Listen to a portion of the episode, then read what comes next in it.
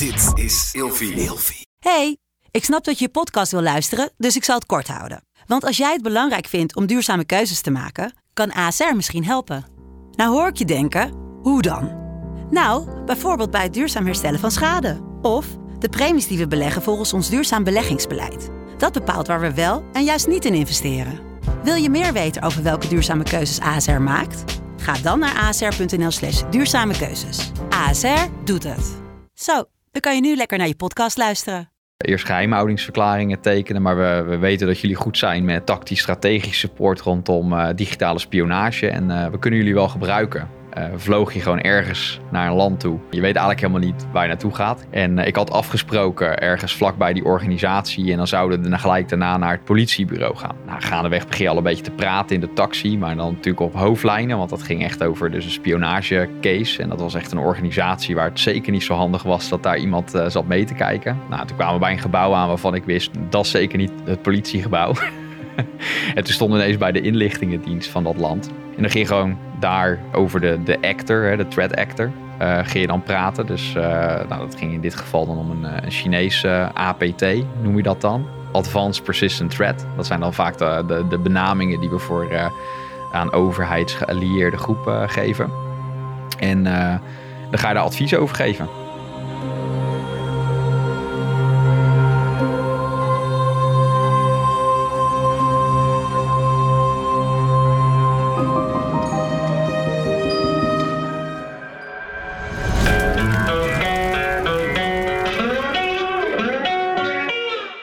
Welkom bij een nieuwe aflevering van Scherpschutters. Vandaag is mijn gast Lodi Hensen. Heel tof dat je er bent. Ja, dankjewel. Superleuk om hier te zijn.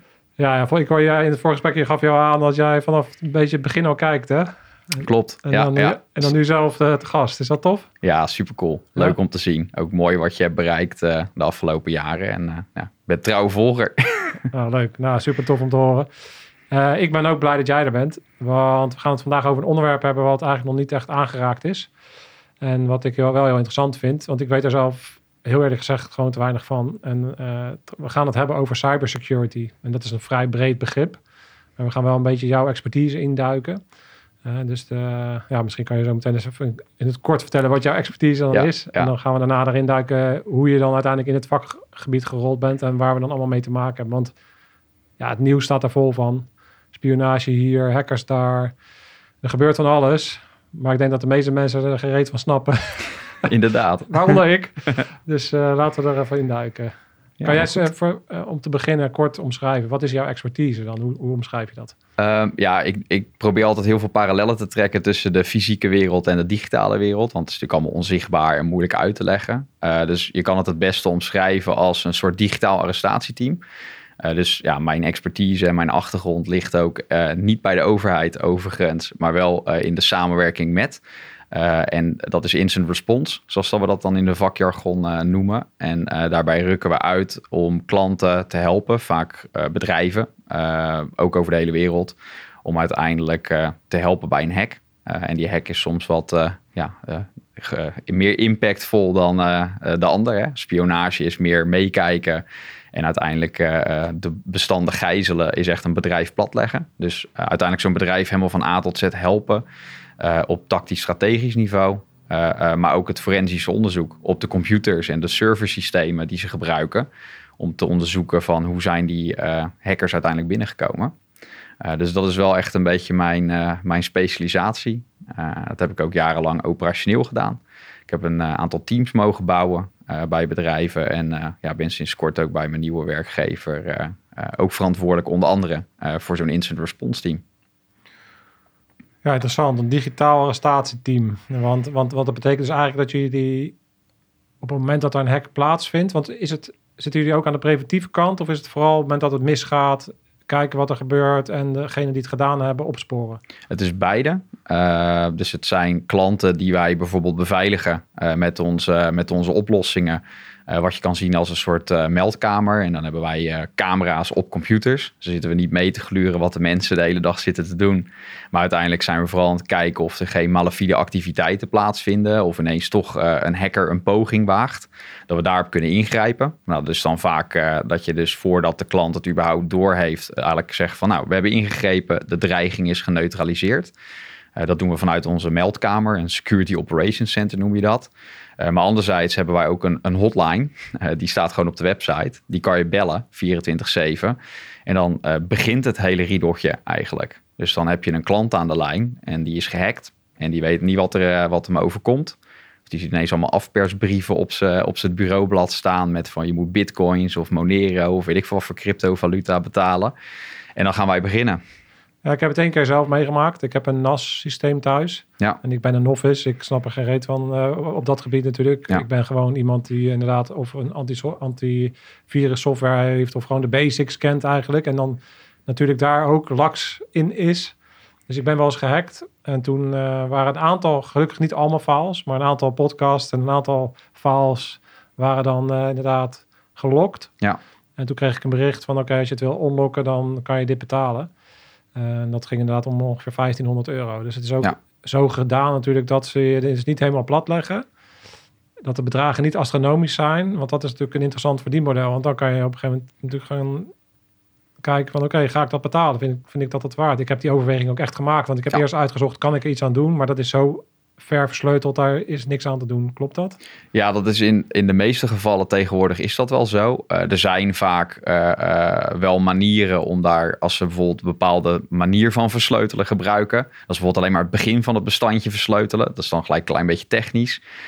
Maar dat het, de rest van het bestand niet versleuteld is. En dan zou je dus met de zogenoemde data recovery misschien wel iets kunnen terughalen of een deel ervan. Dus er zijn er wel manieren voor. Eh, maar niet iedereen heeft ook de geld, het geld en de middelen. En überhaupt de, de weet dat dat kan. Dus die zullen inderdaad al veel sneller zeggen van nou, die 1500 euro, dat, eh, dat, dat betaal ik wel. Eh, maar het kan ook over miljoenen gaan. Ja, want, want als ik jou zo hoor, dan kan ik me voorstellen... Ja, ik ben natuurlijk gewoon een eenmanszaakje en ik, heb, ik doe mijn dingetje... en ik heb er dan een, sneller natuurlijk een soort software... die Ja. ook in de gaten houdt of er ehm, dingen binnenkomen die niet horen binnen te komen. Maar jullie zitten dan in een hoger segment of bij overheid. Of wat, wie zijn jullie klanten dan? Hoe, hoe moet ik dat zien? Ja, dat is vooral bedrijfsleven. Eh, en dat zijn eh, bij mijn huidige werkgever ook wel wat kleinere bedrijven. Maar dat loopt inderdaad ook echt op tot de grote multinationals. Dus we hebben recent hebben we ook in een iets ander continent bijvoorbeeld een klant helemaal op afstand geholpen. Eh, die waren ook compleet versleuteld. Maar die zaten toch wel in een soort van semi-vitale eh, eh, hoek op, de, op dat, eh, in dat land. En eh, ja, dat is toch wel een uitdaging. Want dan heb je dus te maken met iets wat stil ligt. Hè? De business ligt stil. eh, wat ook gewoon voor hun natuurlijk inkomsten genereert. En er zijn misschien mensen van afhankelijk van hun business. Eh, en dan eh, heb je die aanvallers aan de andere kant. Die hebben van tevoren wel even gegoogeld eh, waar ze mo- mogelijk binnen zitten. Of misschien daarvoor al hoe ze ze gingen aanvallen. En vanaf dat punt eh, weten ze over het algemeen ook al snel eh, te, bepalen van nou, hoeveel omzet draait zo'n club en eh, hoeveel geld komt daar gemiddeld binnen. Misschien bij een, een bedrijf wat ook jaarcijfers en zo moet publiceren, kan je wel gewoon achterhalen hoeveel ze bij wijze van op de bankrekening hebben staan. En dan op basis daarvan wordt gewoon een percentage soms gepakt en daar wordt dan ook die, ja, die afperssom op bepaald. Ja, wat ik, eh, waar ik aan moet denken is, waar ik wel kaas van heb gegeten, is bijvoorbeeld piraterij. Daar moest ik even aan denken, omdat het uiteindelijk natuurlijk interessant is geweest voor de kust van Somalië. In Golf van Aden ben ik eh, geweest en daar hebben we best wel succesvol in die tijd piraterij gedaan. Je ziet nu dat dat weer heel erg eh, een hot item is, omdat natuurlijk bij Jemen allerlei gedoe is geweest met, met, het, met het Suezkanaal. Wat ik daar wel interessant aan vond, is uiteindelijk hoe lucratiever het businessmodel natuurlijk is, hoe langer het ook eh, gaat doorlopen en hoe professioneler ze uiteindelijk ook gaan worden. En ik denk dat dat in deze business waarschijnlijk ook wel zo is. Dat ja, op een gegeven moment gaat het natuurlijk om onwijs veel geld. Dus je kan op een gegeven moment gewoon natuurlijk hele goede mensen aantrekken. Ja. Om hele goede manieren te vinden om bedrijven te hacken. Ja.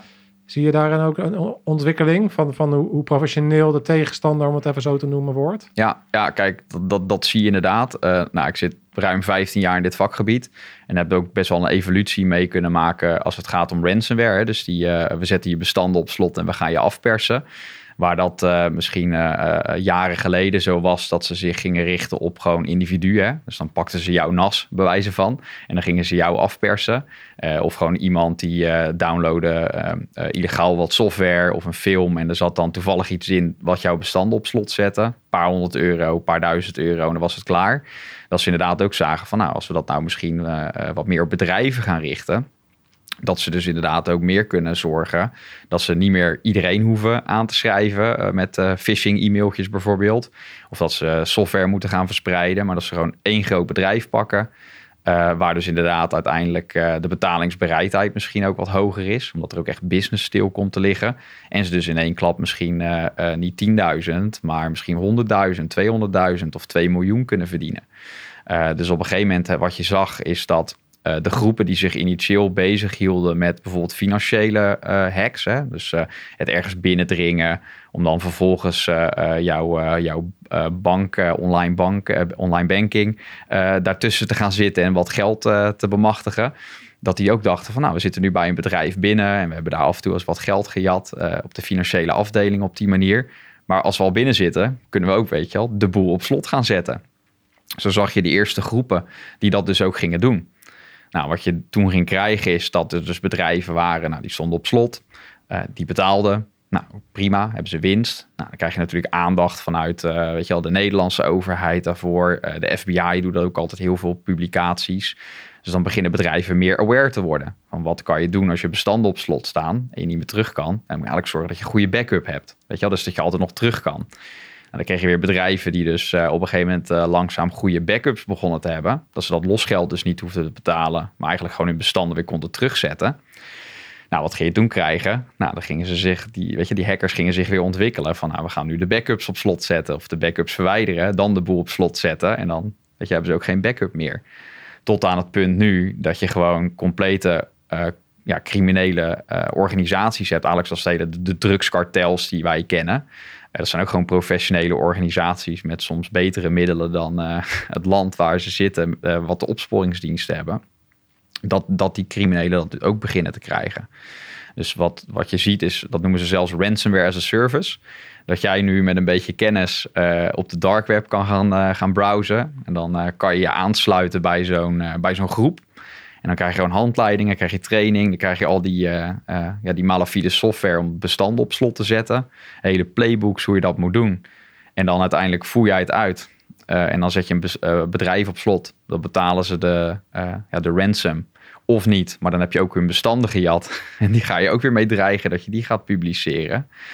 Um, en vervolgens betaalt iemand misschien die ransom. En dan pak jij daar een deel van als, uh, als operator eigenlijk. Uh, maar de maker, uh, haal ik een beetje aan de bovenkant van dat piramidespel wat het is, die pakt daar ook weer geld voor. Dus wat, wat ga je krijgen? Je krijgt de hele professionele bendes die eigenlijk gewoon het bedrijf hebben opgezet. En dan eigenlijk met allemaal affiliates gaan werken. en dat kan iedereen zijn. Weet dat kan iemand op zijn zolderkamer in Nederland zijn.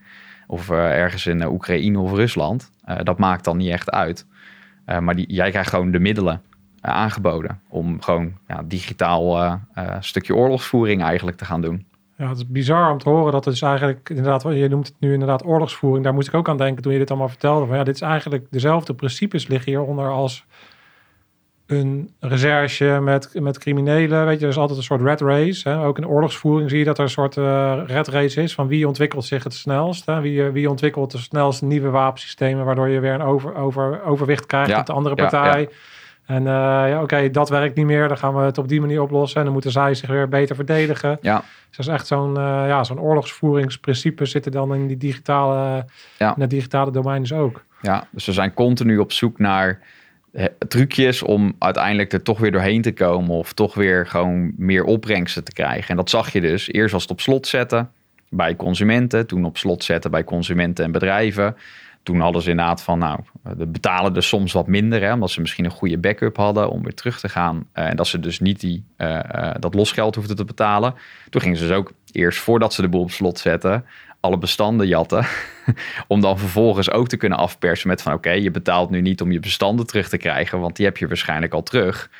Maar we gaan nu ook uh, eventjes jouw gevoelige informatie, hè, jouw administratie. Misschien heb je een HR-schijf met allemaal paspoorten, wat niet mag natuurlijk. Maar er zijn genoeg bedrijven die dat nog steeds doen.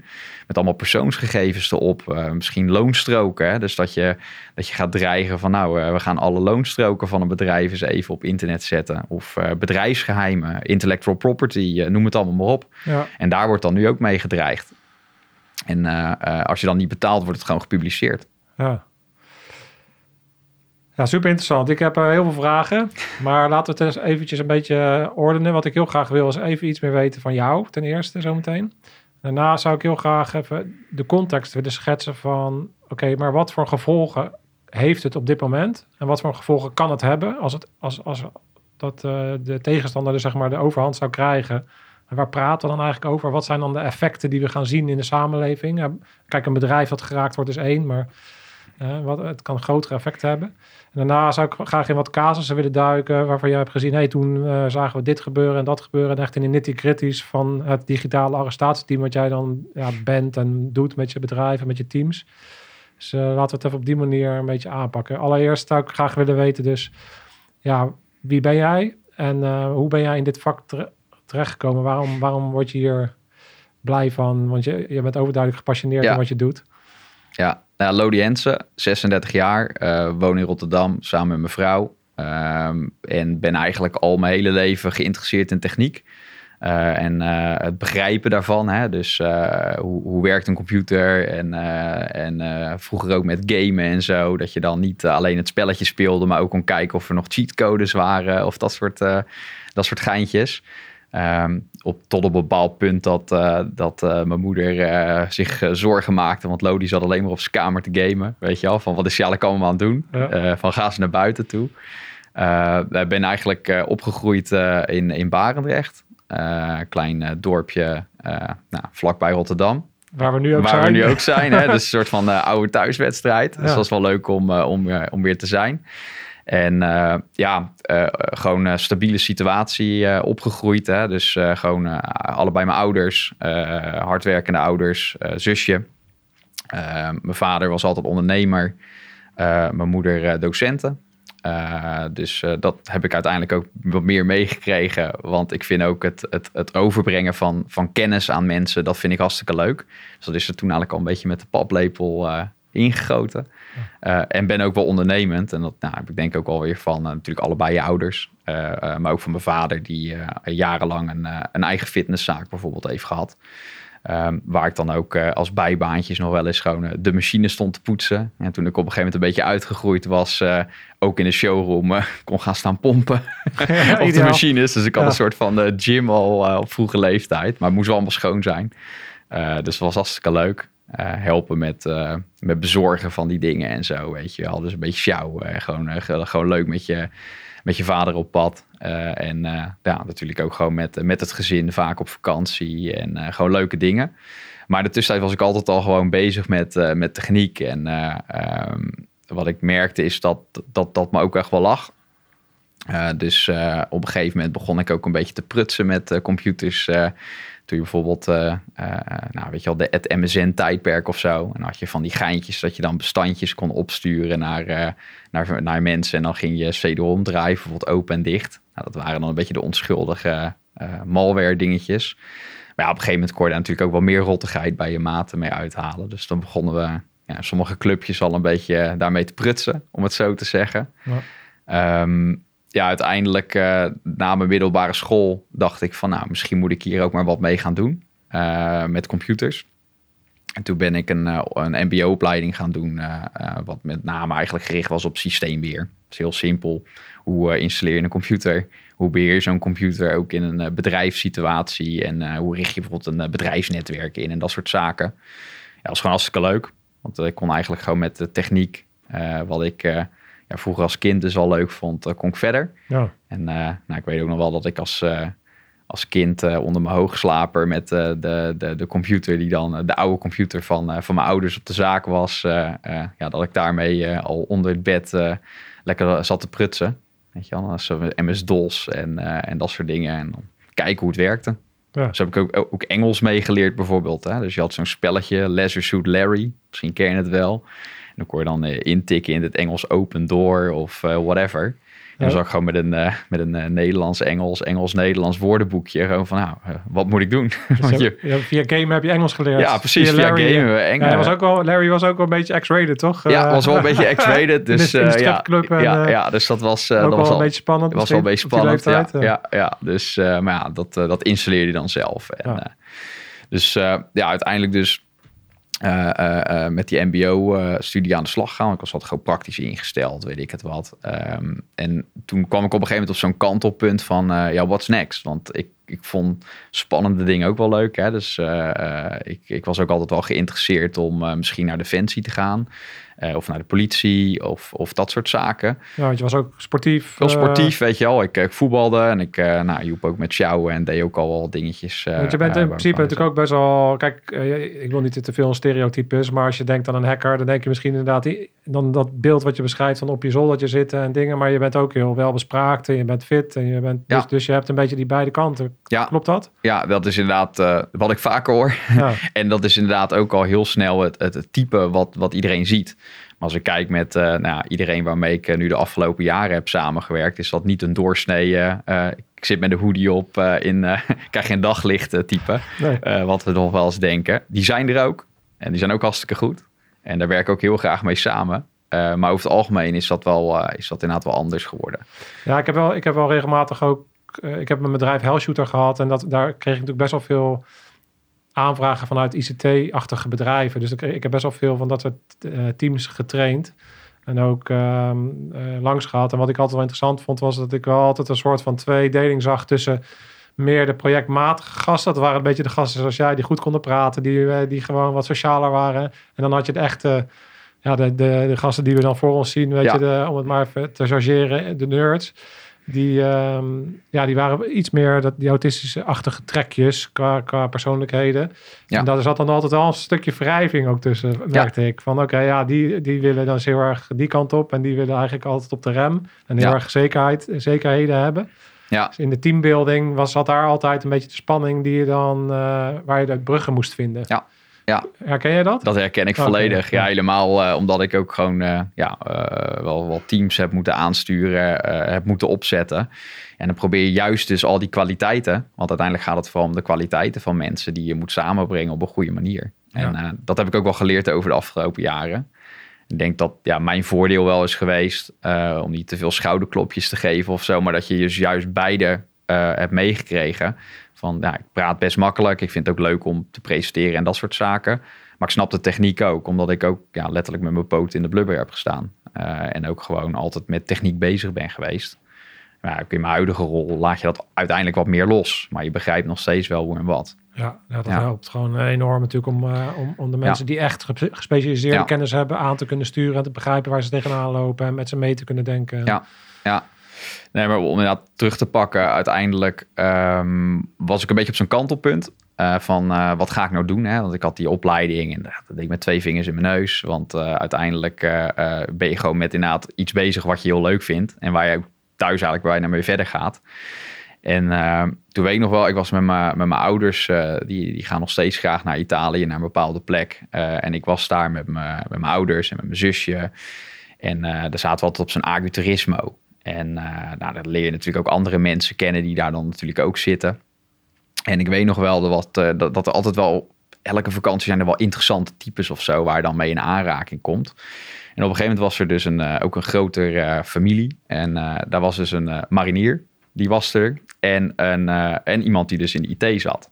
Dus nou, superleuk, want je zit daar dan drie weken. En dan ga je, weet ik veel, potje voetballen met iedereen. En eh, weet ik veel, een zwembad, eh, wedstrijdje zwemmen met z'n allen, weet ik het wat. Maar op een gegeven moment was ik ook op dat pad eh, van, wat ga ik nou doen? Ehm, ga ik inderdaad naar, misschien, ik ga met de marinier praten. Ga, je wel, ga ik naar Defensie, want dat sprak me wel heel erg aan. Maar ik kon het ook gelijk, weet je wel, met de IT'er daarover verder babbelen. Want ik was op zo'n punt van, ga ik nu eigenlijk al werken? Ik was toen ook best wel jong, weet je wel, praten volgens mij over 2006 toen of zo. Nou, nu 36. Ehm, maar uiteindelijk kreeg ik als MBO 4, eh, eh, eh, was er ineens een nieuwe studie. was er beschikbaar gekomen. Dat heette Digitaal Forensisch Rechercheur. En toen dacht ik van, hé, hey, dat, dat klinkt wel interessant. Een beetje crossover van beide beetje een crossover van beide Ja. werelden. Dus dat kwam toen eigenlijk ja, een beetje op, dat pad kwam dat. En dat was ook een nieuwe opleiding toen. Dus je merkte dat ook wel tijdens de opleiding dat iedereen nog een beetje zoekende was. Maar daar ben ik dus toen mee begonnen. Eh was twee jaar. En daar leerden we dus onderzoek doen op computers. Hè? Dus eh, eh, als iemand eh, natuurlijk een woning ingaat en je doet als eh, recherche onderzoek, dan ga je sporenonderzoek doen. Nou, wij deden dan eigenlijk het, hetzelfde, alleen dan op een computer. Even heel simpel gezegd.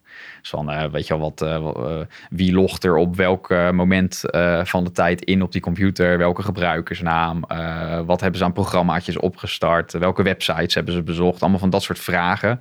Dat leerde je dan tijdens die opleiding in de basis. En wat we op een gegeven moment ook kregen was ja, heel veel wettelijke kaders bijvoorbeeld. Dus we kregen ook les van eh, een paar oud-regisseurs. Want het onderdeel van die opleiding was ook ehm, dat we onze particuliere recherche eh, papieren moesten halen. Dus nou, je hebt er ook in de private sector heb je natuurlijk eh, recherchebureaus, ook in Nederland. En als je daar ook recherchewerk voor wil doen, dan moet je die opleiding hebben gevolgd en ook je papieren hebben gehaald.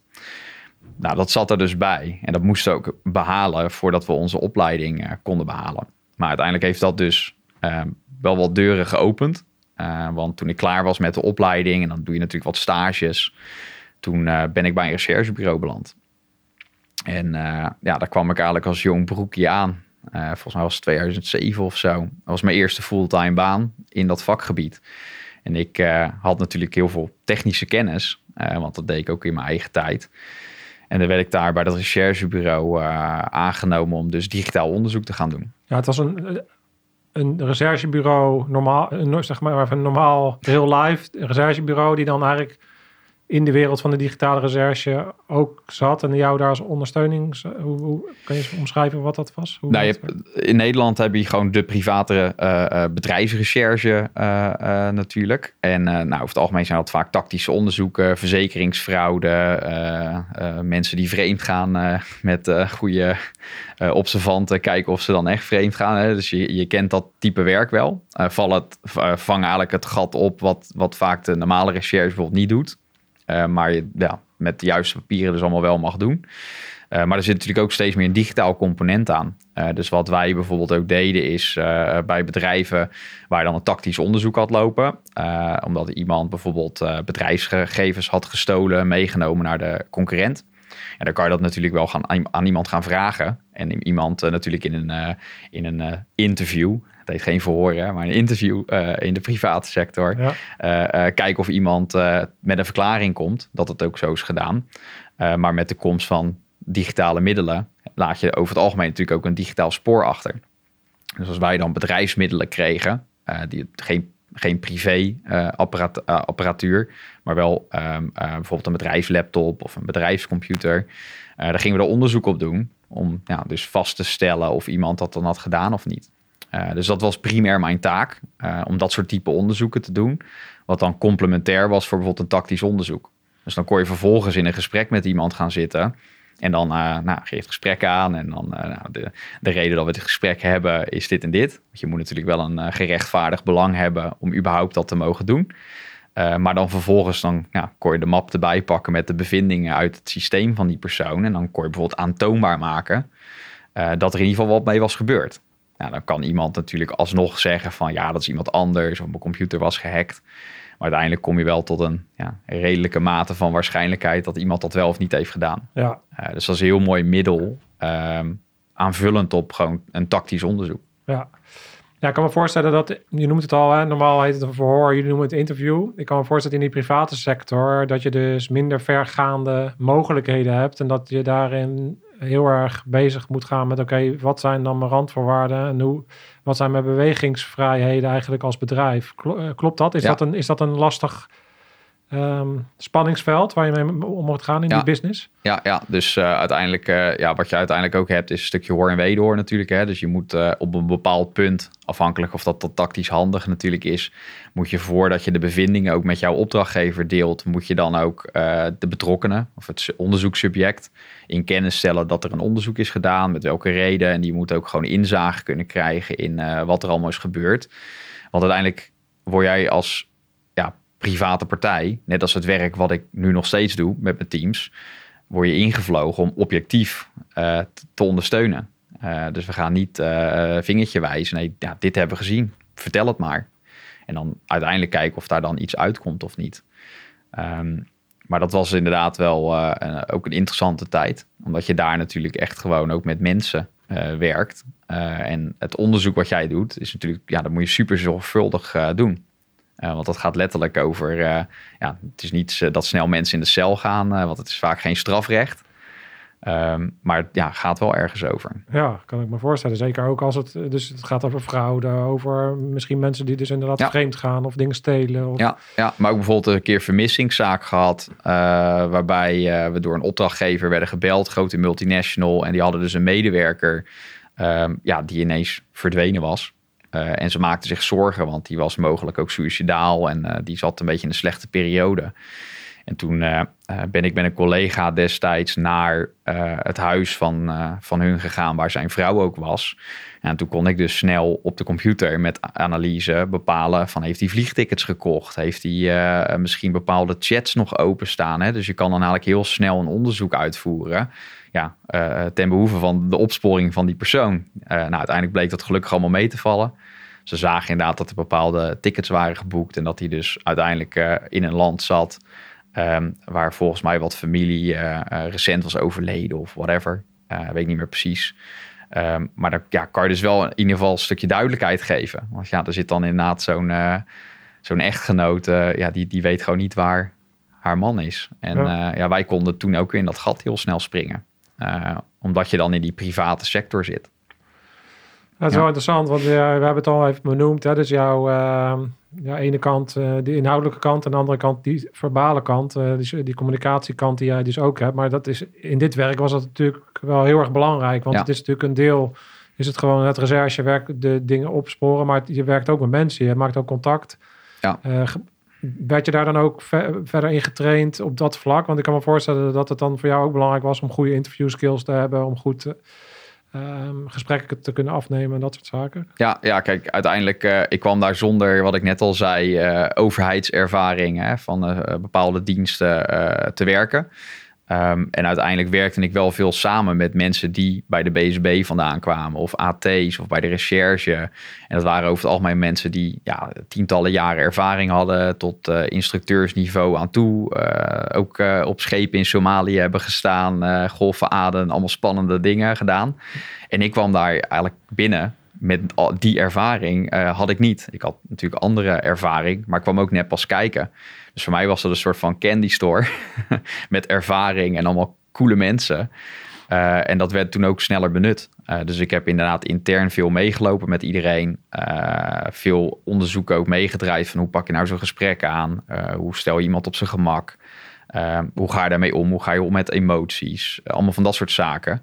Ja, daar ben ik op vrij vroege leeftijd, dus eigenlijk bij mijn eerste baan al mee in aanraking gekomen. en ja, uiteindelijk dat ook mooi kunnen toepassen. Uh, dus op een gegeven moment mocht ik bijvoorbeeld, uh, ging ik ook mee met uh, heimelijke observaties van mensen. Dus dan stonden we ergens in het centrum van Den Haag en dan ja, moesten we iemand op foto krijgen, want die was al een tijdje niet gezien en die liep behoorlijk te frauderen. En nou, daar ging ik ook mee, want ik was gewoon de jongste. Want ze hadden toen net bijvoorbeeld de OV-chipkaarten geïntroduceerd. nou, ga maar aan de oude regisseur eventjes een OV-chipkaart uitleggen. Want ja, als je ineens niet met strippenkaarten uh, weet je, de bus in kan... en die persoon die je moet observeren pakt ineens wel de bus... ja, wat doe je dan? Dus nou, dan mocht ik voor de techniek mee... En dan ging ik bijvoorbeeld allemaal van die prepay OV-chipkaarten halen... en dan zorgen dat iedereen wist hoe het werkte. Maar ik kon ook als jong ventje af en toe even mee of ergens even naar binnen lopen waar het qua doelgroep net wat makkelijker was, omdat ik gewoon minder opviel. Uh, dus ik kon ook al vrij snel kon ik gewoon mee met uh, ja, best wel hele coole dingen. Binnen de kaders van wat natuurlijk logisch was. Want ja, ik had uh, geen speciale rijopleidingen gehad zoals dat, die mensen dat hadden. Dus ik ging dan nou, bijvoorbeeld gewoon statisch ging ik ergens staan. Of ergens in een, in een bus de hele dag in een woonwijk met een camera klaar zitten. Ja. Ja. Ja, dat is toch tof. Dan kan je ja. een beetje het vak leren. Is, dat, is, dat is een groot, belangrijk onderdeel, die observatie van uh, uh, binnen dat bedrijf. Ja, dat was inderdaad erg belangrijk. Was ook wel een beetje de bread and butter eigenlijk van wat daar gebeurde. Ja, ja. ja. nou, dat was dus uh, dat deel. Ehm, en daar heb ik me echt heel mooi kunnen ontwikkelen. Ehm, maar wat er ook gebeurde was, dat was dus een beetje rond de kredietcrisisperiode. Dus ik uh, dacht dat ik er al was. Hè. Eerste baan, super vet, hartstikke gave dingen. En toen uh, ja, brak eigenlijk die kredietcrisistijd uh, een beetje door. En ja, 2008, toen, ja, 2008, 2009. Ja. En daar begonnen wij ook bij dat bedrijf al wat van te merken. Ze moesten helaas afscheid nemen van een aantal mensen. En op een gegeven moment is het, ook, is het bedrijf helaas ook failliet gegaan. En dat was natuurlijk super zonde. Maar het was voor mij een hele leerzame periode. Want uh, je krijgt ineens te maken met dingen waar nou, de meeste mensen niet zo snel mee te maken krijgen. Helaas in die periode. En nu natuurlijk ook wel meer. en toen dacht ik ineens van ja, what's next? wat moet ik nou eigenlijk gaan doen? En toen kon ik inderdaad nog wel mee, want er is uiteindelijk een doorstart geweest. Kon ik nog wel mee in de doorstart. Maar toen heb ik voor mezelf besloten van ja, lijkt me heel gaaf, maar kan nog zoveel meer misschien gaan doen. En misschien moet ik juist eens even kijken wat er nog meer buiten dit bedrijf te doen is. En toen ben ik gaan solliciteren, want ja, ik had geen baan meer. dus ik moest wel, hè, de huur moest ook betaald, betaald worden. worden ja. Dus uiteindelijk, uh, ja, omdat er natuurlijk zo'n crisis was, nam niemand wat aan. Alle bedrijven waren aan het reorganiseren en ja, toch ook gewoon in de, ja, in de IT, om het even zo te zeggen. en dan helemaal met een niche waar ik nou net al een beetje in beland was. Ja, dat was gewoon heel moeilijk. Dus je had een paar grote bedrijven in Nederland. nou, een daarvan, daar ben ik uiteindelijk ook wel na de kredietcrisistijd aan de slag gegaan. die waren allemaal aan het bezuinigen. Dus ik ben toen uiteindelijk, uh, nou, mijn vrouw is best wel van, uh, van de opleiding, heeft twee masters tegelijk gedaan en uh, echt super gave dingen. Ze noem ik altijd de brainiac van ons twee. Ja. ja, die zei van, moet je niet gewoon een opleiding gaan doen? Ik dacht van, nou, dat is eigenlijk helemaal geen gek idee, want ik wist toch niet helemaal wat ik wilde. weet je, dan gaat toch ook weer dat, ga ik naar de overheid of blijf ik in de private sector dingetje een beetje spelen. En toen ben ik gewoon opleiding integrale veiligheid gaan doen in Rotterdam. En uh, nou, dat was eigenlijk wel, uh, wel weer even leuk, want ik had ook wel tijd om uh, me, ja, mijn kennis en kunde te verbreden. Want er is ook meer dan IT. En dat is me uiteindelijk echt ten goede gekomen in dat hele incident response werk. want daar komt natuurlijk heel veel crisiscommunicatie en, en ja, crisisbeheersing en dat soort zaken aan te pas. En toen zag ik ineens alles mooi samenkomen. weet je al, de techniek en de menselijke kant en nou, integrale veiligheid en alle dingen die je daar leert. Um, ja, dan kon ik daar ineens in gaan meenemen. Dus ja, dan krijg je ook een beetje meer de bredere context, denk ik dan. Ja. Hè? Eh, om, ja. van, de, van de hele veiligheidsdomeinen en waar dan uh, de dreigingen zitten. Ja, ja. Dus meer de overview kreeg je daar. Precies. En uh, nou, dat, dat, dat heb ik dus in het begin heel even uh, voltijd gedaan. Um, wat bijbaantjes eromheen. ik was nog een beetje aan DJ in Rotterdam in die tijd en zo. Dus uiteindelijk lukte dat allemaal wel. En ik had alle netwerk opgebouwd, omdat ik eigenlijk al best wel vroeg was begonnen met werken. Dus ik kon ook met stages en, uh, en uh, eventueel uh, wat, ja, wat bijbaantjes en dingen. Ik had ook mijn eenmanszaakje had ik geregistreerd, dat je af en toe wat klusjes nog kon doen. Ja, dan kom je ineens bij, bij Feyenoord of zo, weet je wel. Omdat je dan, nou, er zit de oud BSB, BSB, die is nu volgens mij weg. Um, ja, die, uh, daar kon ik dan via via weer even een stage meelopen. En dan uh, weet je wel, deed je af en toe nog wat klusjes. Of uh, je kwam bij een, bij een ander bedrijf, kwam je ineens en dan kon je ook nog wat dingen doen rondom die studie. En toen werd ik op een gegeven moment benaderd door iemand waarmee ik ook die opleiding digitaal regisseur had gedaan. Dat is ook een van mijn betere vrienden. Die zei van joh, die zal dus bij een van die bedrijven waar ik had gesolliciteerd. We zijn weer mensen aan het aannemen, weet je, wil je niet bij ons komen? En nou, dat, dat, was Fox IT. Dat is ook een van de bekendste cybersecurity bedrijven in, in Nederland en ook misschien wel Europa.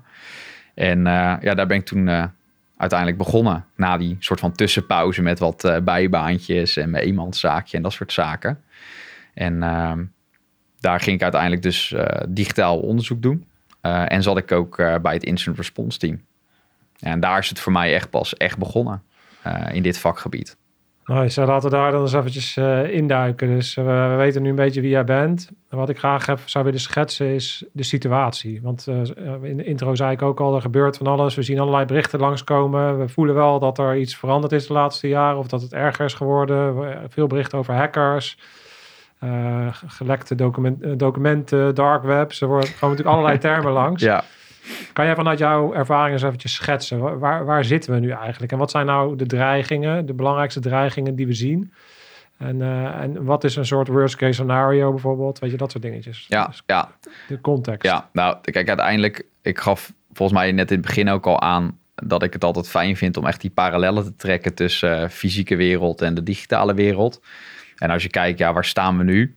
Uh, het is ook net als dat andere conflicten in de wereld uh, zichtbaarder zijn door social media, berichtgeving, et cetera. is dat natuurlijk nu ook het geval. Hè? dus de, de, er is nog steeds gewoon, er wordt heel veel geroepen.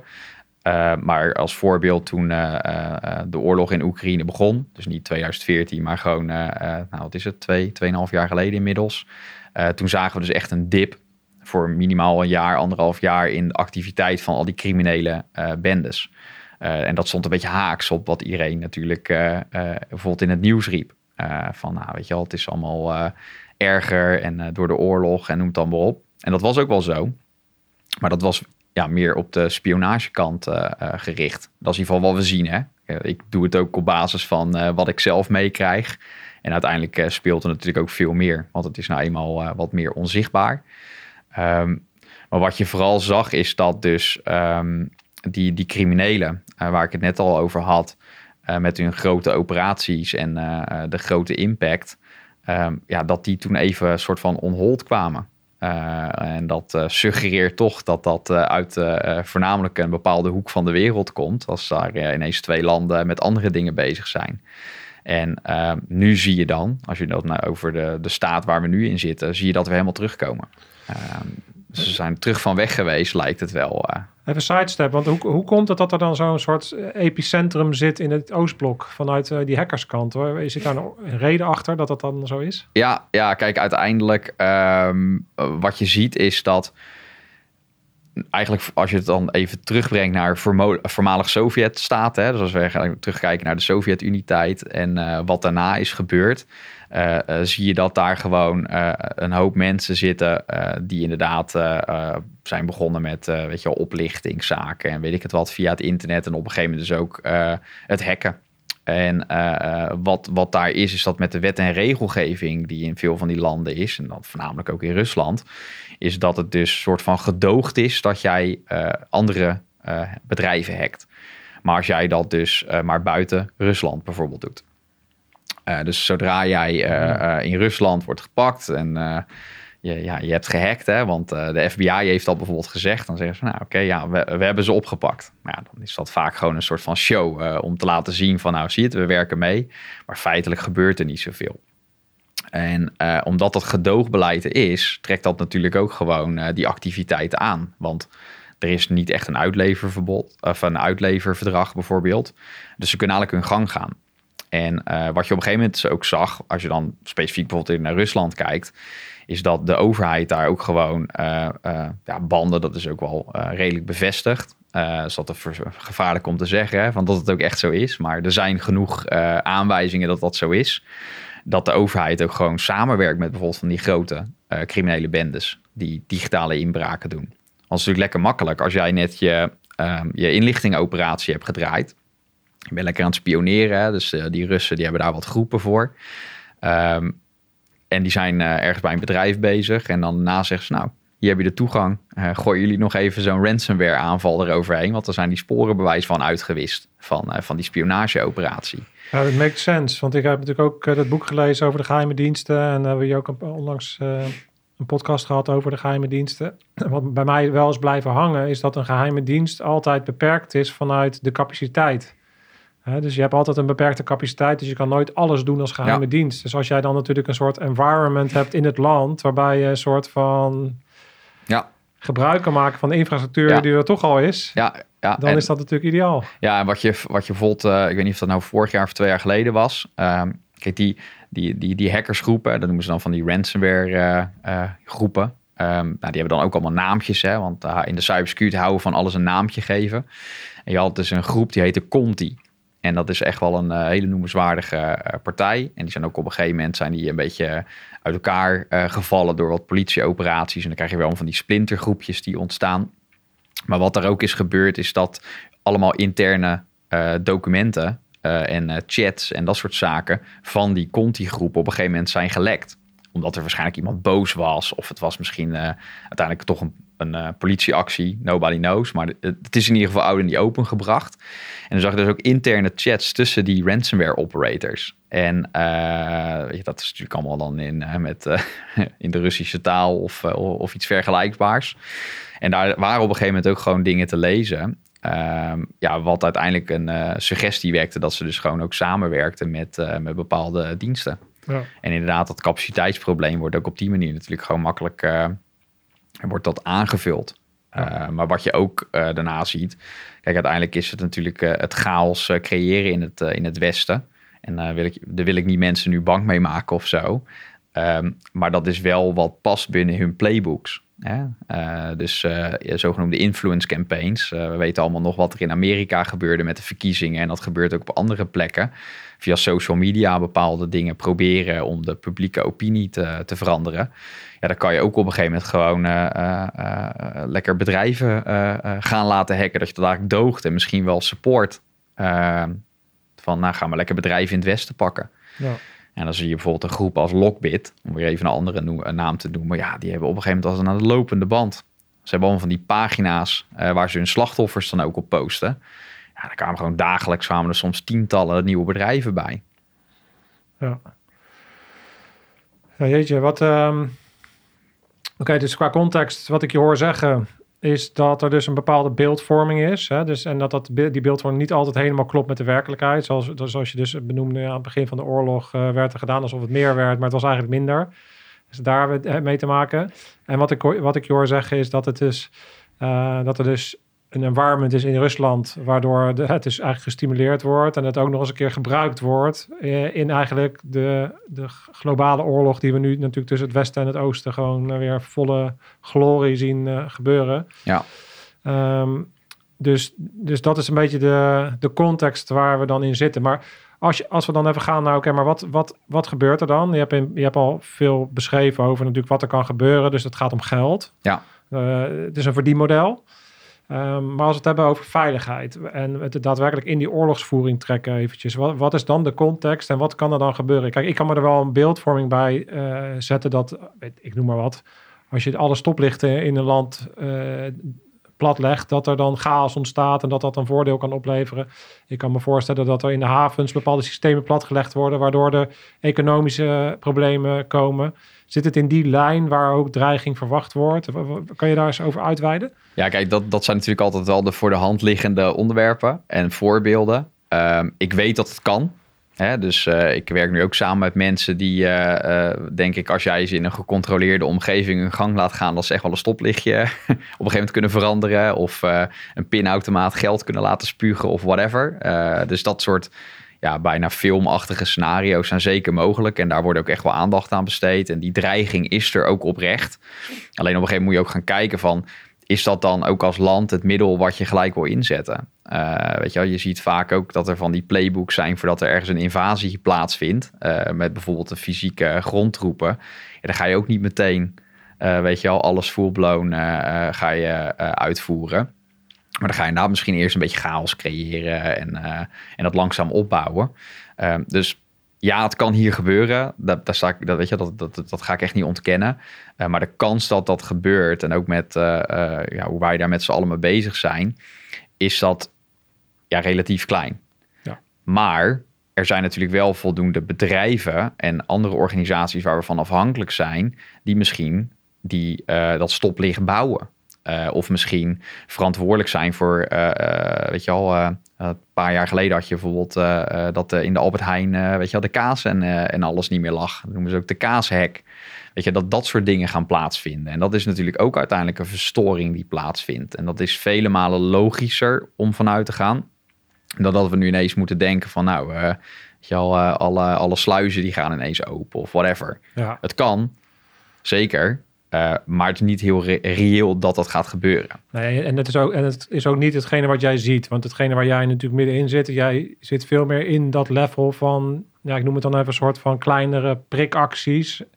Uh, in de zin van een kazenhek. Kijken of ze een stukje kennis daar kunnen wegtrekken. Kijken of ze dat bedrijf kunnen beïnvloeden. Ja, nou die kaashek specifiek, dat was dus gewoon dat op een gegeven moment een, eh, een logistiek bedrijf uh, was gehackt, alles op slot. En daardoor konden ze gewoon bewijzen van de orders en dat soort zaken niet doorzetten. Dus er was gewoon echt een disruptie binnen hun hele logistieke keten.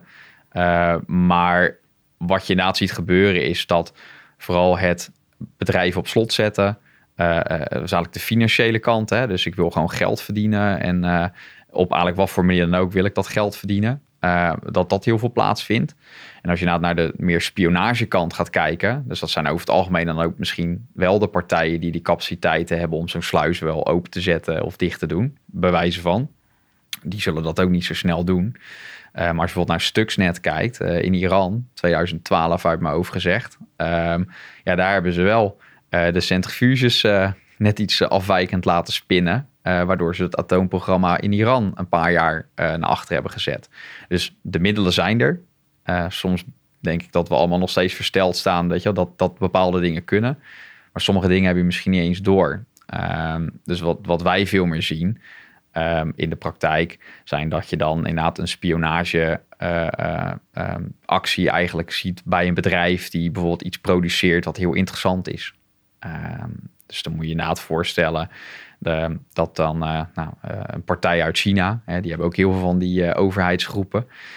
ja, die zijn misschien wel geïnteresseerd in hoe wij hier op een bepaalde manier kroppen sla of whatever beter kunnen laten groeien. Of hoe wij ehm, met onze landbouw bepaalde dingen doen. ja, die zijn daar heel erg in, in geïnteresseerd. Dat, je, dat staat ook gewoon in de, in de jaarverslagen van bijvoorbeeld de AIVD. En zo zijn er nog tal van dingen die je kan benoemen. Uh, maar dat is wel wat wij het meest in de praktijk zien. Dus gewoon spionage op zoek naar iets. Hè? Vaak weet je niet eens waar ze nou echt naar op zoek waren. En dan is een soort van call in the act. maar dan gaan ze niet dingen slopen of zo. Of inderdaad gewoon echt disruptie, want we willen je afpersen voor geld. Ja, want ik vind het ook wel interessant. Die Chinezen, om te zien hoe zij eigenlijk nooit echt zichtbaar zijn. Ik heb ook een aantal, ik, zit ook, ik woon ook in een buurt waar vrij veel Chinezen wonen. Maar het is heel interessant om te zien dat je hebt, om het maar even zo te zeggen, geen last van ze. Ze zijn er, ze doen een dingetje. Maar tegelijkertijd hoor ik wel van die verhalen van ja, in principe is natuurlijk als je het vanuit de militaire kant kijkt. de, de Amerikaanse aanpak is heel erg kinetisch, direct, uh, militaire interventies. En maar de Chinezen zijn heel indirect. Overal over de hele wereld heb je Chinatown, zitten mensen. Maar als je dat vertaalt naar de capaciteit van de geheime dienst en de invloed over de wereld, dan heb je natuurlijk overal potentiële operators zitten. Ja. Die je kan gebruiken. Want die, buurman bij mij bijvoorbeeld, die, misschien werkt hij wel bij een, een of ander interessant uh, bedrijf. En uh, ze zijn natuurlijk allemaal heel trouw. En ook al wonen ze misschien een hele leven in Nederland, voelen ze zich nog steeds Chinees. En hebben ze die banden, dus ze zijn beïnvloedbaar. Ja, dus dus als je het vanuit de spionagekant kijkt, hebben ze natuurlijk een soort van en de mensen er zitten. En ze kunnen natuurlijk dus de digitale kant inzetten en daar een combinatie van maken om hele interessante voordelen eh, naar zich toe te trekken. Zowel in het inwinnen van informatie of uh, inderdaad uh, bepaalde bedrijven dwars te bomen, zodat zij, dat de Chinese bedrijven de markt domineren. Ja. Je kan je allerlei scenario's natuurlijk uh, bedenken. Ja. Uh, en dat is natuurlijk wel bij uiteindelijk alle landen. Hè? Dus dat is niet specifiek China. Uh, maar je ziet inderdaad wel in bepaalde landen hoe ze opereren, dat ze gewoon bijvoorbeeld een grotere aandacht hebben op inderdaad bijvoorbeeld digitale spionage. En ook als je de jaarverslagen van, van inderdaad de AIVD bijvoorbeeld, die ze jaarlijks publiceren, erbij pakken. Ja, daar staat China wel specifiek benoemd. En Rusland en Iran en volgens mij Noord-Korea. Um, en zo zijn er misschien nog wel een paar landen die ik vergeet. Maar er zijn gewoon een paar landen uh, die gewoon een heel uh, zwaar offensief cyberprogramma hebben. Ja. En die zetten daar dan ook echt vol op in. Want het is natuurlijk veel makkelijker uh, om ergens digitaal in te breken. Dan dat je fysiek het risico moet lopen dat je operatie misschien stuk loopt. Of dat je daar heel lang mee bezig moet zijn om iemand in het veld te recruiten. Dat kan ook Ja. gewoon soms maanden, jaren eh, duren. Hey, voordat ik, ik heb zo meteen nog even interesse, echt meer eh, wat, wat casus vanuit jouw digitale arrestatieteams, acties eh, te horen. Ja. Maar qua context heb ik nog een laatste vraag. En dat is, je hoort natuurlijk ook veel over de ontwikkeling van oorlogsvoering en er steeds meer de integratie van die digitale kant. Ik weet niet of dat helemaal jouw expertise is, maar kan je daar eens wat over uitweiden over wat jij ziet qua belangrijke ontwikkelingen waarbij er steeds beter geïntegreerd gebruik gemaakt wordt, bijvoorbeeld van de digitale mogelijkheden en capaciteiten? Ja, kijk, uiteindelijk eh, wat je veel ziet is dat ehm, digitaal, weet je wel, vooral in oorlogsvoering wordt dat veel breder getrokken. Hè? Want dat kunnen ook gewoon eh, signalen zijn. Weet je wel, dat je met jammers en dergelijke gaat werken. Weet je, daar zou je ook eh, in het verleden gewoon mee eh, moeten werken. Ja, je gaat ergens naartoe en je wil telefoonsignalen jammen voor ID's of zo. Weet je wel, of dat soort zaken. Ehm, nou, dat dat gecombineerd wordt met, oké, ja, misschien wil je juist wel kijken waar de telefoontjes zitten. Er staan ook filmpjes op YouTube van die eh, eh, Israëlische bedrijven die dan zo'n bus hebben. Ja, die dan eh, eh, de mobieltjes juist opsporen waar ze zitten. En dan misschien ook op afstand weer kunnen infecteren, bijvoorbeeld. Dus je kan ook het inderdaad omdraaien. eh, dat je niet dingen hoeft te verstoren per se, maar dat je het ook weer kan gebruiken om ehm, iets op te zoeken en daarop binnen te dringen om beter zicht te krijgen. Ehm, en wat je ziet is dat daar ook steeds meer op wordt ingezet. Ehm, even los van de hacks op computers en dat soort zaken. Dus als je naar, naar digitale oorlogsvoering kijkt, ehm, eh, kan het ook best zijn dat, dat jij eerst een operatie start om ergens op binnen te dringen. Om inderdaad vervolgens gewoon, eh, weet je wel, net als dat in Oekraïne eh, is gebeurd, even zorgt dat de grootste telecomprovider daar ineens plat komt te liggen. Op het moment dat jij waarschijnlijk bepaalde operaties wil gaan starten. Dus je ziet echt die combinaties steeds meer plaatsvinden. En toevallig is, of helaas eigenlijk, moeten we dat dan in eh, Oekraïne natuurlijk eh, eh, in levende lijven zien gebeuren. Maar dat is wel iets, ja, dat, dat, dat, dat zullen andere landen ook toepassen. die middelen als dat noodzakelijk is. Ja. Dus ja, je ziet gewoon dat het een steeds belangrijker onderdeel wordt. En ja, het Nederlandse leger heeft natuurlijk ook gewoon hun cyber capabilities. Ik denk dat we daar als Nederland echt wel in, de, in, de, in de top zitten van de wereld. Ja, is dat zo? Ja. Oké. Ja. Nou, dat wist ik niet, maar dus dat, is, eh, dat is interessant om te horen. Ik denk dat het inderdaad een hele belangrijke kant is waarop je het uiteindelijk weer, zoals Gijs Tuinman zou, zou zeggen, ja, je moet het uiteindelijk wel weer terugbrengen naar de boots on the ground. Ja. Dus inderdaad, die, zit hem vooral natuurlijk de kracht in eh, hoe zit die samenwerking. Ja. Ja. Eh, dus dat je inderdaad, ja, je met jouw expertise en dan die BSB-gast, eh, zoals, je, zoals je bij dat bureau samenwerkt, en Ja. zo zie ik dat dan ook een beetje. Ja, je moet die, die dingen echt samenbrengen. Ja. En dan, dan komt het echt tot, tot, tot bloeien natuurlijk, dat het echt effect kan, kan eh, Ja, ja en dat En, zien we dan ook inderdaad eh, eh, zoals dat, dat nu gaat. Hè? Als wij, een, als wij worden opgeroepen om een bedrijf te ondersteunen. Ja, op een gegeven moment dan haken wij ook waar dat mogelijk is de politie aan. En dan kan de politie uiteindelijk de, de opsporing vervolgen met bevindingen die wij bijvoorbeeld hebben gedaan. En dan, dan heb ja, wij vullen daar echt dat gat in. Ehm, eh, en proberen elkaar zo goed mogelijk ook te ondersteunen. Publiek-privaat. Dan, eh, dat is een mooi bruggetje. Eh, van dan eigenlijk zet- je dan als een soort di- digitaal arrestatieteam uiteindelijk misschien wel het echte arrestatieteam in. Eh, om het even zo eh gechargeerd te zeggen. Neem ons eens mee van, van oké, wa- waar, het speelveld waar je dan nu zit. Ja. kan, kan je eens wat, je hoeft geen, uiteraard, je kan geen klantnamen noemen en zo, maar kan je specifiek een soort van een casus benoemen van, Ja, ik denk dat ik misschien twee, hè, dus wat, wat ik vaak, ja, wat ik al eerder aangaf, eh, is het vaak spionage. Hè? We zoeken naar dingen en eh, weet je, er gaat niet echt direct iets stuk. Soms draaien de, de systemen zelfs nog beter dan dat de systeembeheerders het kunnen doen, omdat ze af en toe nog wat moeten fixen, om dat nou niet hun toegang eh, te verliezen.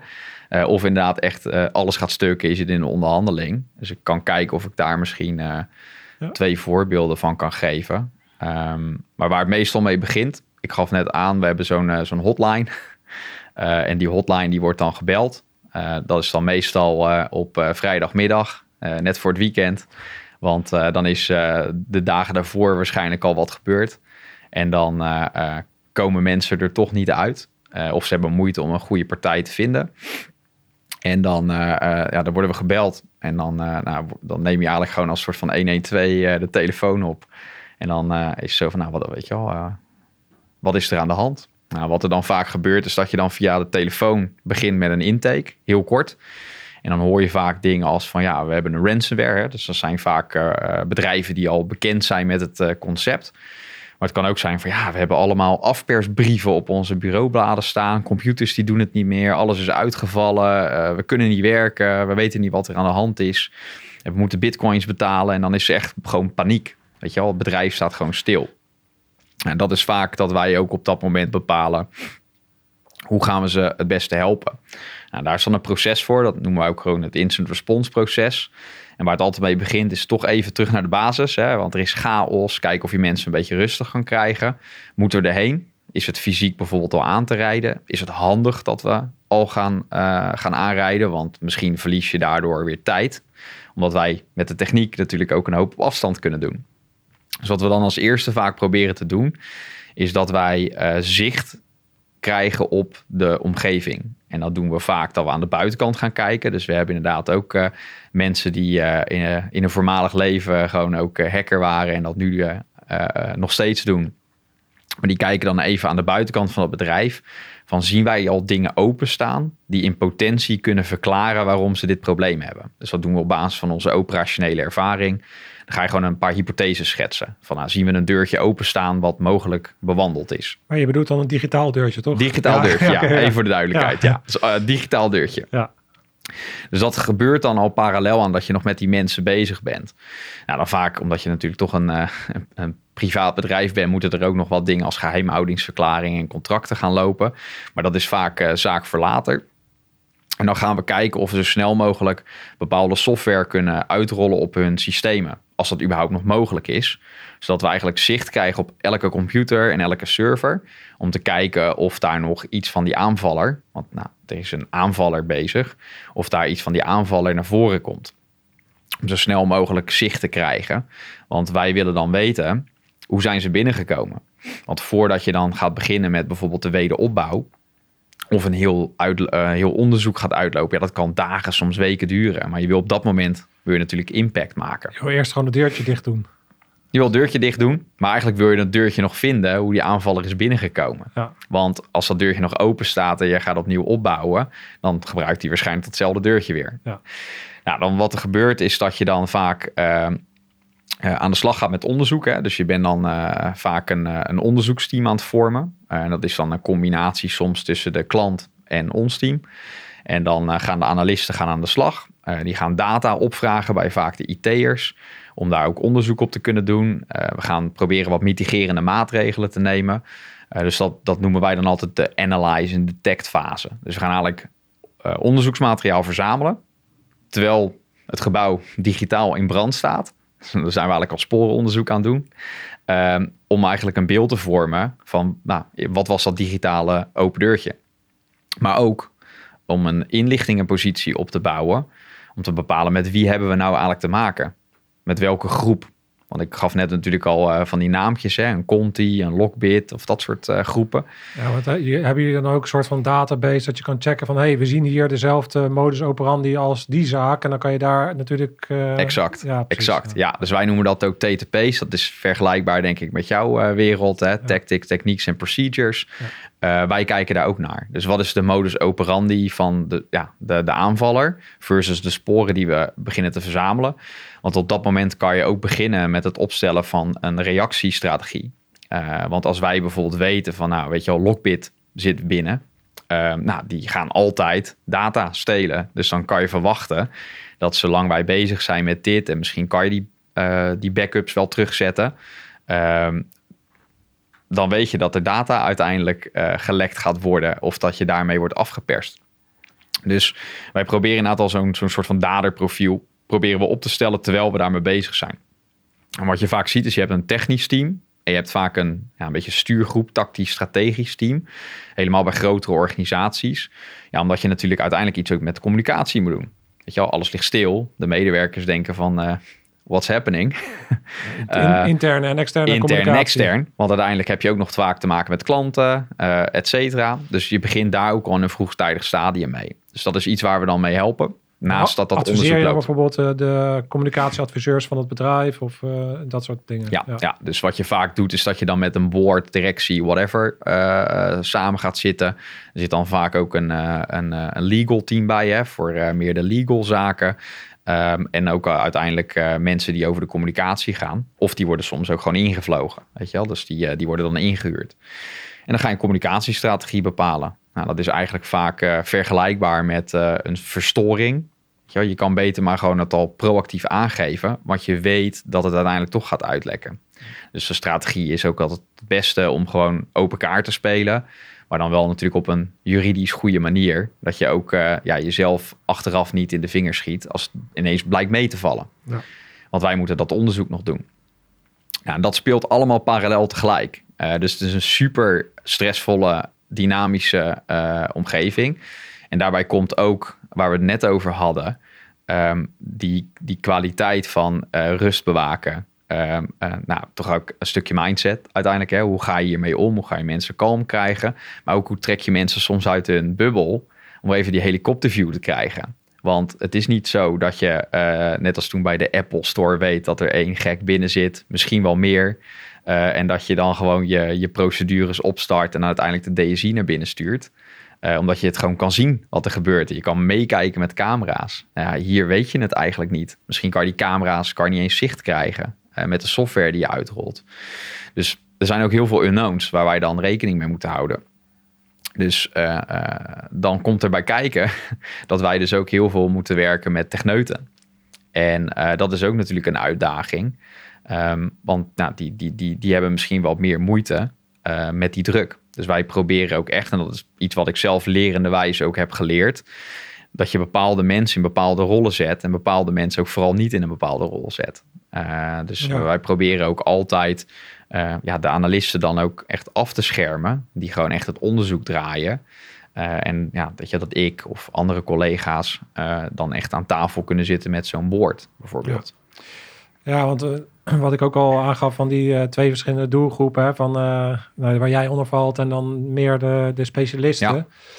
Ik denk met name die doelgroep, die zijn over het algemeen, heel, gewoon eventjes, een algemeen beeld is natuurlijk dat ze heel erg ehm, gewend zijn dat de dingen gaan zoals ze zijn. Dus wij, ons type mens kan wat beter omgaan vaak met veranderende en onzekere omstandigheden dan natuurlijk een andere doelgroep. Ja, ja. En, en dus daar, daar moet je, je hebt ook verschillende communicatiestijlen Ja. eh, nodig als je in zo'n crisisteam natuurlijk opereert met verschillende Ja. type mensen. En dat verschilt ook. Kijk, eh, eh, toen ik dit zelf echt nog in de operatie deed, eh, eh, ja, was ik over het algemeen wel met een paar anderen dan de mensen die eh, ook echt bij de weet je wel, beursgenoteerde multinationals zat.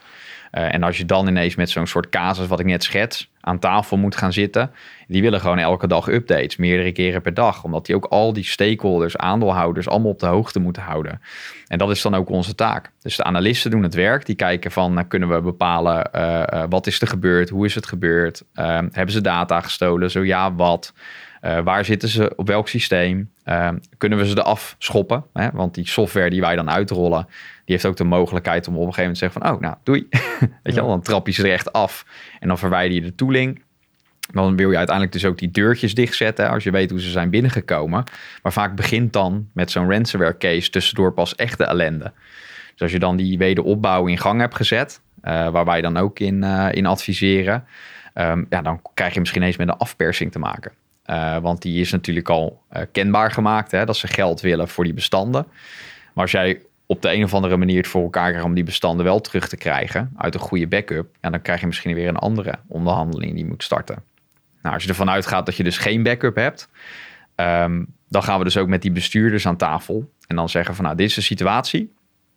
Eh, er wordt dit geëist, hè? dus dan moet je vaak denken aan eh, dat, dat sommige aanvallers letterlijk de salarisadministratie erbij hebben gepakt. Of misschien in het boekhoudpakket hebben gezien wat er op de rekening staat. En daar passen ze dan die, eh, dat losgeld eh, op aan. En dan gaan wij gewoon met die bestuurders zitten van eh, zeg het maar. Ehm, eh, dit zijn de opties. Hè? Dus we kunnen A, we kunnen gewoon met de onderhandeling beginnen. Om dat gesprek op gang te krijgen en te kijken van wat er gebeurt. Ehm, kijken of we misschien tot een ander bedrag kunnen komen. Want het is vaak een onderhandeling. En dan eh, eh, kan een andere optie zijn dat je gewoon helemaal gewoon radio silence doet. Omdat je misschien toch een, een, een soort van way out hebt door zo'n goede backup. Dus dat je dan toch nog de bestanden kan terughalen. Ja, of je doet gewoon een combinatie van beide. Uh, je blijft in onderhandeling, terwijl je uiteindelijk aan het wederopbouwen bent. En um, uiteindelijk is dat dan iets wat je gaat voorleggen aan zo'n board. Van al, alles wat we gaan doen, is nog steeds een unknown. Want als jij op een gegeven moment uh, zegt van nou, we gaan toch voor de betaling. Hè, je moet vijf ton in bitcoins af gaan tikken. Um, dan kan het zijn dat wat jij terugkrijgt niet werkt. Het kan ook zijn dat je betaalt en helemaal niks krijgt waarmee je die bestanden weer kan, kan ontsleutelen. Dus er zijn zoveel variabelen waar je dan gedurende zo'n onderzoek, hè, dus je moet nog steeds voorstellen, de tent staat nog steeds in de fik. Ja. We zijn dat onderzoek aan het draaien, je bent al die ballen aan het hoog houden. En eigenlijk probeer je dus gewoon alle... Als je, als je op dat level zit, hè, ik maak weer even de, de, link naar de wereld die ik wel ken, en dat is dan uh, Somalië. Wat je daar wel zag, is dat het op een gegeven moment natuurlijk voor de partij die het uitvoert geen logische actie is om vervolgens na betaling dan niet de krijgsgevangenen of de gevangenen los te laten. Dus je zag eigenlijk altijd wel van oké, dat geld werd gewoon gedropt in het water. Het uh, werd misschien een miljoen of twee of vijf of tien miljoen betaald. En uh, vervolgens werden eigenlijk altijd uh, de, de gevangenen losgelaten. Is dat ook de ervaring in deze wereld? Ja. Uh, als je op dat level zit, dan heb je echt met een professionele partij ja. te maken. Nee, dus... dat is inderdaad exact hetzelfde. Dus wat je inderdaad ook ziet, ook in de staat waar zitten we nu, hè, waar we een beetje mee begonnen, zie je dus gewoon dat die groepen gewoon dezelfde modus operandi uh, uh, overnemen als dit soort groepen. Ja. Het is gewoon een professionele organisatie. En uiteindelijk, ja, het is hun businessmodel om geld te verdienen. En als jij op een gegeven moment een reputatie hebt dat je niet levert, dan zullen mensen ook minder snel betalen. Ja, dat en dat is uiteindelijk natuurlijk wel het doel hè, met, met z'n allen. Uh, want nou, weet je wel, de private partijen, uh, maar ook de, de overheid, die hebben uiteindelijk als doel uh, dat, dat natuurlijk dit niet meer voorkomt. Maar dat is helaas, ja, denk ik, iets wat we nooit zullen gaan meemaken. Nee. Um, maar dat hebben we in de fysieke wereld ook, hebben we helaas nog steeds. Het komt en het gaat. Ja, nou ja, de, de, vergelijking naar de echte wereld heb je heel mooi gemaakt. Waardoor die, die digitale wereld eigenlijk voor iedereen uh, in dit gesprek uh, mooi is gaan leven. In ieder geval voor mij ook. Hè? Ja. ja. En dan praten we dus gewoon over een, een tak van uh, ja, digitale wereld. Met daaraan dus ook digitale oorlog, de spionagekant en digita digitale criminaliteit. En dat ja. is dan meer de, de, de zakelijke, commerciële kant eigenlijk. En daar heb je een wapenwetloop. Ja. En een ontwikkeling in waarbij jij uh, vanuit de Good Guys uh, super professioneel aan de slag gaat met, een, met, een, met een hotline, met een uh, crisisteam, met de verdeling van taken, met de verschillende kanten onderzoek doen, terwijl je, ja, terwijl je dan ook het probleem probeert te verhelpen. Dus ja, dat is fascinerend om te, om, om te horen in welk vakgebied je zit en hoe dat, wat er allemaal bij komt kijken. Dus, ja, ja, ja, en dit is dan inderdaad vooral als de tent echt in de fik staat. En dan heb je natuurlijk ook nog gewoon het hele spionagedeel. En uiteindelijk wat je daar gewoon ziet. Nou, ik kan best wel een voorbeeld noemen. Dan kom je vaak wel in de wat spannendere casussen ook. En dit is natuurlijk ook spannend. Dit is ook zelfs traumatisch hè, voor de bedrijven die dit overkomt. Dus de hele menselijke aspect hebben we nog niet eens bij stilgestaan. Er zijn mensen gewoon echt getraumatiseerd. Dit soort zaken gebeuren. Ik heb bedrijven failliet zien gaan. dat is echt vreselijk. En daar proberen we natuurlijk ook die mensen bij te helpen. Maar het kan ook wel zijn, dat heb ik in het verleden, toen ik zelf nog uh, echt wel veel in de operatie zat, meegemaakt. Dat je dan een belletje krijgt uh, op zo'n hotline. En dan uh, is het van, joh, eerst geheimhoudingsverklaringen tekenen. Maar we, we weten dat jullie goed zijn met, met ook tactisch strategisch support rondom digitale spionage. En we kunnen jullie wel gebruiken. Nou, dan ben ik wel eens in mijn eentje, vloog je gewoon ergens naar een land toe. En dan weet ik nog wel, toen vloog ik op een gegeven moment ergens heen. Waar het heel hard had gesneeuwd. en uh, nou, een landje. Je weet eigenlijk helemaal niet waar je naartoe gaat. Ik wist wel de organisatie waarvoor ik aan de slag ging. Was een semi-overheid was dat. En toen kwam ik aan in sneeuwstorm. En die zag sneeuwschuivers zag je al gaan. En ik had afgesproken ergens vlakbij die organisatie. En dan zouden we gelijk daarna naar het politiebureau gaan. Was, was tegen mij gezegd dan merk je al dat dit gelijk al een heel andere vibe is dan, dan net. Omdat nou, alles is vooral onzichtbaar. En uh, ik zou alle informatie wel krijgen uh, waar ik over moest meedenken uh, als ik er was. En op een gegeven moment toen nou, ik land, ik had mijn trolley bij me en op de trein gestapt naar die stad toe. En nou, toen spraken we ergens af. En toen, nou, na twee heren van het bedrijf en handje voorstellen, leuk, goed dat je er bent. En uh, nou, gaandeweg begin je al een beetje te praten in de taxi, maar dan natuurlijk op hoofdlijnen, want dat ging echt over dus een spionagecase. En dat was echt een organisatie waar het zeker niet zo handig was dat daar iemand uh, zat mee te kijken. Dat had ook echt wel gewoon voor dat land had dat wel uh, behoorlijk wat impact. En toen zei je van, nou, waar gaan we heen? Ja, de politie. Oké, top. Nou, toen kwamen we bij een gebouw aan waarvan ik wist, dat is zeker niet het politiegebouw.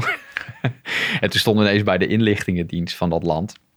En toen uh, gingen we dadelijk gelijk al in gesprek. Uh, gewoon over. Uh, ik werd daar toen als adviseur bijvoorbeeld gewoon meegenomen. Dus dat soort dingen heb ik ook nog gedaan. En dan ging gewoon daar ehm, eigenlijk over de, de actor, hè, de threat actor. ging je dan praten. Dus nou, dat ging in dit geval dan om een, een Chinese APT, noem je dat dan? Advanced Persistent Threat. Dat zijn dan vaak de, de, de benamingen die we voor aan overheidsgeallieerde groepen geven. En dan ga je daar advies over geven. Dus die organisatie die ging eigenlijk net hun melding doen uh, van nou, weet je al, uh, we hebben een probleem en uh, die wilden dat dus bij die inlichtingendienst van het land gaan, gaan uitleggen. En uiteindelijk heb ik daarin kunnen adviseren van nou, hoe gaan we dit traject nou eigenlijk aanpakken? Ja. En wat je dan vaak wil doen is dat je gaat kijken vooral en niet te veel bewegingen maken in een omgeving. Dus zij hadden het geconstateerd. Ehm, en het was eigenlijk aan, aan mij en uiteindelijk heb ik ook nog wat andere teamleden in laten vliegen. Om eigenlijk samen te werken met dus, nou, die inlichtingendienst en ook wat opsporingsdiensten en nog wat private partijen vanuit dat land. Om van hoe kunnen we dit nou het beste aanvliegen zonder dat we meteen laten weten dat we hiermee bezig zijn. Ja. En uh, dat is gelijk weer een hele andere tak van sport. Uh, waar je dus niet ineens, wat ik net zei, allemaal van die software gaat uitrollen om uh, gelijk zicht te krijgen, in te kunnen grijpen en weet ik het wat. En dan wil je vaak misschien juist weer wat meer gaan volgen en kijken. En van, uh, nou, wat, wat doen ze nou eigenlijk? Ja. we weten dat ze er zitten, maar laten we eerst eens even een weekje of een paar weekjes meekijken. En dat zijn weer hele andere type casussen. Waar je ook in hele bijzondere omgevingen terecht kan komen. Ja. Um, en dan heb je vaak ook ineens weer, nou, dan zit je ineens in een meeting. En dan ben je met iemand aan het praten en dan ben je een beetje aan het uitleggen. En dan uh, nou, een uur later zie je die persoon die ik niet kende ineens op nationale televisie een persconferentie geven over datgene waar je dan mee bezig bent. En dat zijn wel hele coole, bijzondere dingen. Ehm, waar je ook merkt dat je op een andere manier weer impact kan maken. Want dat is natuurlijk het belangrijkste. Uiteindelijk wil je um, dat, dat bedrijven uh, ja, hier niet te dupe van worden. En als het wel gebeurt, dat je ze ook op de juiste manier kan ondersteunen. Ja.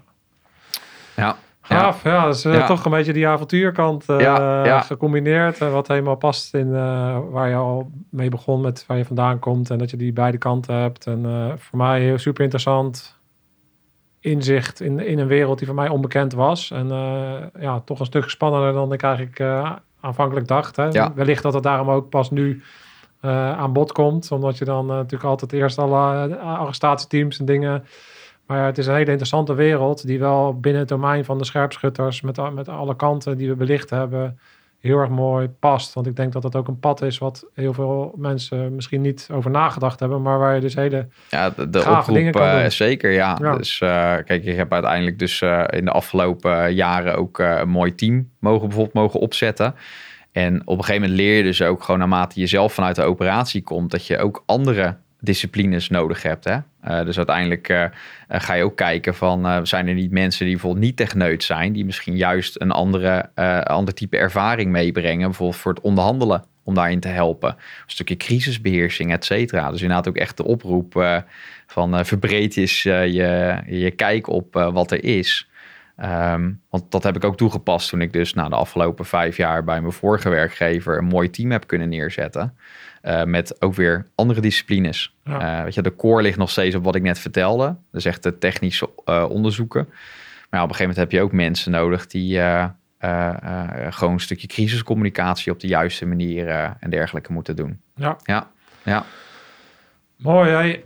En nou ja, je bent natuurlijk onlangs geswitcht van baan. wat ik wel interessant vond wat jij vertelde is dat je, kijk, jullie helpen natuurlijk uh, bepaald soort type bedrijven. Maar wat moeten nou de bedrijven zoals ik doen, of misschien de bedrijven die net ja, die niet enorme budgetten hebben als er iets misgaat. dan vallen wij dan een beetje in de, in een gat. Kan je daar eens iets over vertellen? Ja, dat, uiteindelijk qua tips en tricks. Hè? Dus je kan heel veel zelf al doen. Uh, ik denk dat het wat ik gewoon leuk vind is om kennis te delen. Hè? Dat, dat, dat, dat vind ik ook echt gewoon mooi om te doen. En ik denk dat vaak mensen die denken, nou, wat, wat Lodi allemaal verteld heeft, misschien moet ik eens een keertje wat dingen gaan checken. Uh, ja, wat kan je er zelf aan doen? Uh, begin met het nemen van bijvoorbeeld een wachtwoordmanager. Hè? Dus dat je niet meer een wachtwoord hoeft te onthouden en zelf uh, zomer 2024 aan wachtwoorden hebt. Of scherpschutters of whatever. maar dat je gewoon. Hoe weet je dat? ja. ja. Maar dat je gewoon een programmaatje hebt die dat voor je verzint. Um, wat je veel ziet is dat, uh, dat uh, gebruiksnamen en wachtwoorden worden gewoon te koop aangeboden. En dan kan je gewoon kopen. En het kan best zijn dat daar iets tussen zit wat jij al uh, eerder op andere plekken ook hebt ingesteld. Dus dat is eigenlijk één. Begin met een wachtwoordmanager. Zit tegenwoordig ook al in volgens mij Android en Apple telefoons zelf. Ja. Stel overal waar het kan multifactor authenticatie in. Dus dat is eigenlijk dat je niet alleen je gebruiksnaam en wachtwoord nodig hebt, maar ook vaak nog iets anders. Hè? Dus dan krijg je misschien een sms-code of een, uh, in een app dat je op approve moet drukken dat jij het ook bent. Ja. Um, dat soort zaken. En wees je dus ook gewoon van bewust. Hè? Verwacht je iets van bijvoorbeeld een uh, phishing, of krijg je een e-mailtje waarvan je denkt van, ah, nou, ik weet niet of dit nou echt zo is. En ik moet een bestandje uitvoeren of ik moet toch ergens daarna inloggen. Weet je al, let daar gewoon op en doe dat vooral niet. En uh, nou, wat je net inderdaad aangaf, ik ben recent ook uh, van, uh, van baan gewisseld. En het bedrijf waar ik nu werk, iSecurity, opgericht door een, oud, door een aantal oud mensen van de overheid, van de inlichtingendiensten. wil overigens niet zeggen dat wij natuurlijk datzelfde concept in die zin toepassen. Maar dat zijn mensen, net als dat ik dat weet, die ook weten hoe je bedrijven op de juiste manier kan beschermen. Alleen wat wij met ons bedrijf doen, is eigenlijk alles met de grote multinationals, hè, wat je daar aan technologie kan inzetten. Dat hebben we teruggebracht naar wat is nou echt noodzakelijk en wat werkt nou echt het beste. En dat ook toegankelijk te maken voor ja, eigenlijk gewoon, uh, weet je al, uh, kleinere bedrijven. Voor een vast bedrag per maand, MKB, MKB plus. Dus we hebben een paar pakketten hebben samengesteld. En dan kan je gewoon voor een bepaalde vaste prijs per gebruiker per maand... krijg je gewoon dezelfde uh, technologie als dat misschien de grote multinationals ook gebruiken. Um, en eigenlijk is dat iets waar ik ook echt in geloof. Hè? Want uh, wat ik net aangaf, ik heb ook over de hele wereld gezeten, doe dit ook al best een tijdje. Uh, maar altijd bij de grotere bedrijven gezeten. En als we dan wat kleinere bedrijfjes belden, die konden we dan niet altijd helpen. Want ja. dan was je gewoon te duur of je, je kon die, eh, die oplossingen niet verkopen. Dus dat is eigenlijk enerzijds waar wij uh, ook met mijn teams. Uh, dus ik ben dus nu weer verantwoordelijk voor een incident response team. Dus weer die digitale DSI uh, om dat parallel te trekken. Maar ook een, een, een SOC team, dus een Security Operations team. En daar kijken we dus eigenlijk gewoon met die technologie mee. Of er dus bij onze klanten niks gebeurt. En als er dan wat gebeurt, dan kunnen we ook 24-7 ingrijpen. Ja. En je ziet dat dat concept, hoe wij dat hebben ingericht. Dan zijn we begonnen met het vooral voor de, voor de MKB, uh, eh, voor de kleinere organisaties. Maar het slaat ook heel goed aan bij de grotere organisaties. Dus dan zie je ook maar weer van uh, soms hoef je je ook niet te overbeveiligen. Uh, maar je kan ook voor oplossingen kiezen die gewoon, ja, dan springt er maar een keertje een inbreker over een hek. Weet je wel, dan was je hek niet hoog genoeg of je had geen prikkeldraad. Ja. Maar als hij dan uiteindelijk aan de voordeur staat, dan staat er ineens een grote Duitse herder die, die, het, die het te pakken heeft. Ja. en dat concept daar we eigenlijk ook toe. Ja, mooi. Ja, ja, dus wij hebben het zogenoemde assume breach uh, principe. Dus ook als wij klanten aansluiten, dan gaan we er eigenlijk al vanuit dat er misschien iets binnen zit. Uh, maar wij geloven in de, de, ja, de oplossingen die wij bieden.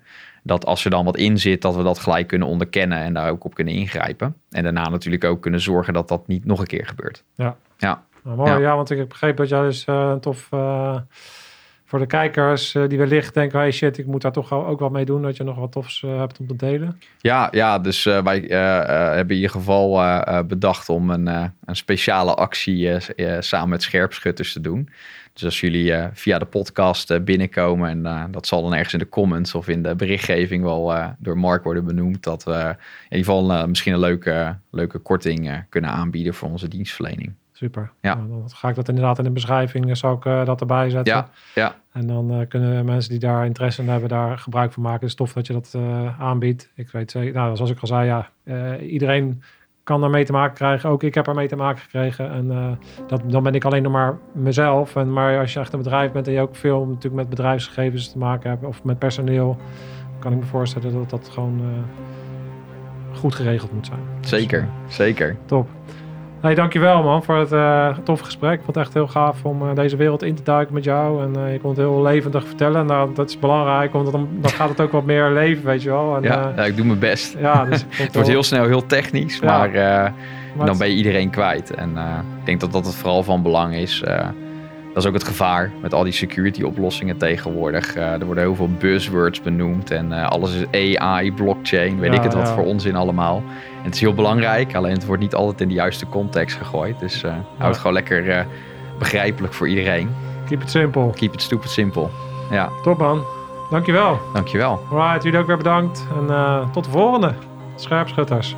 Uit.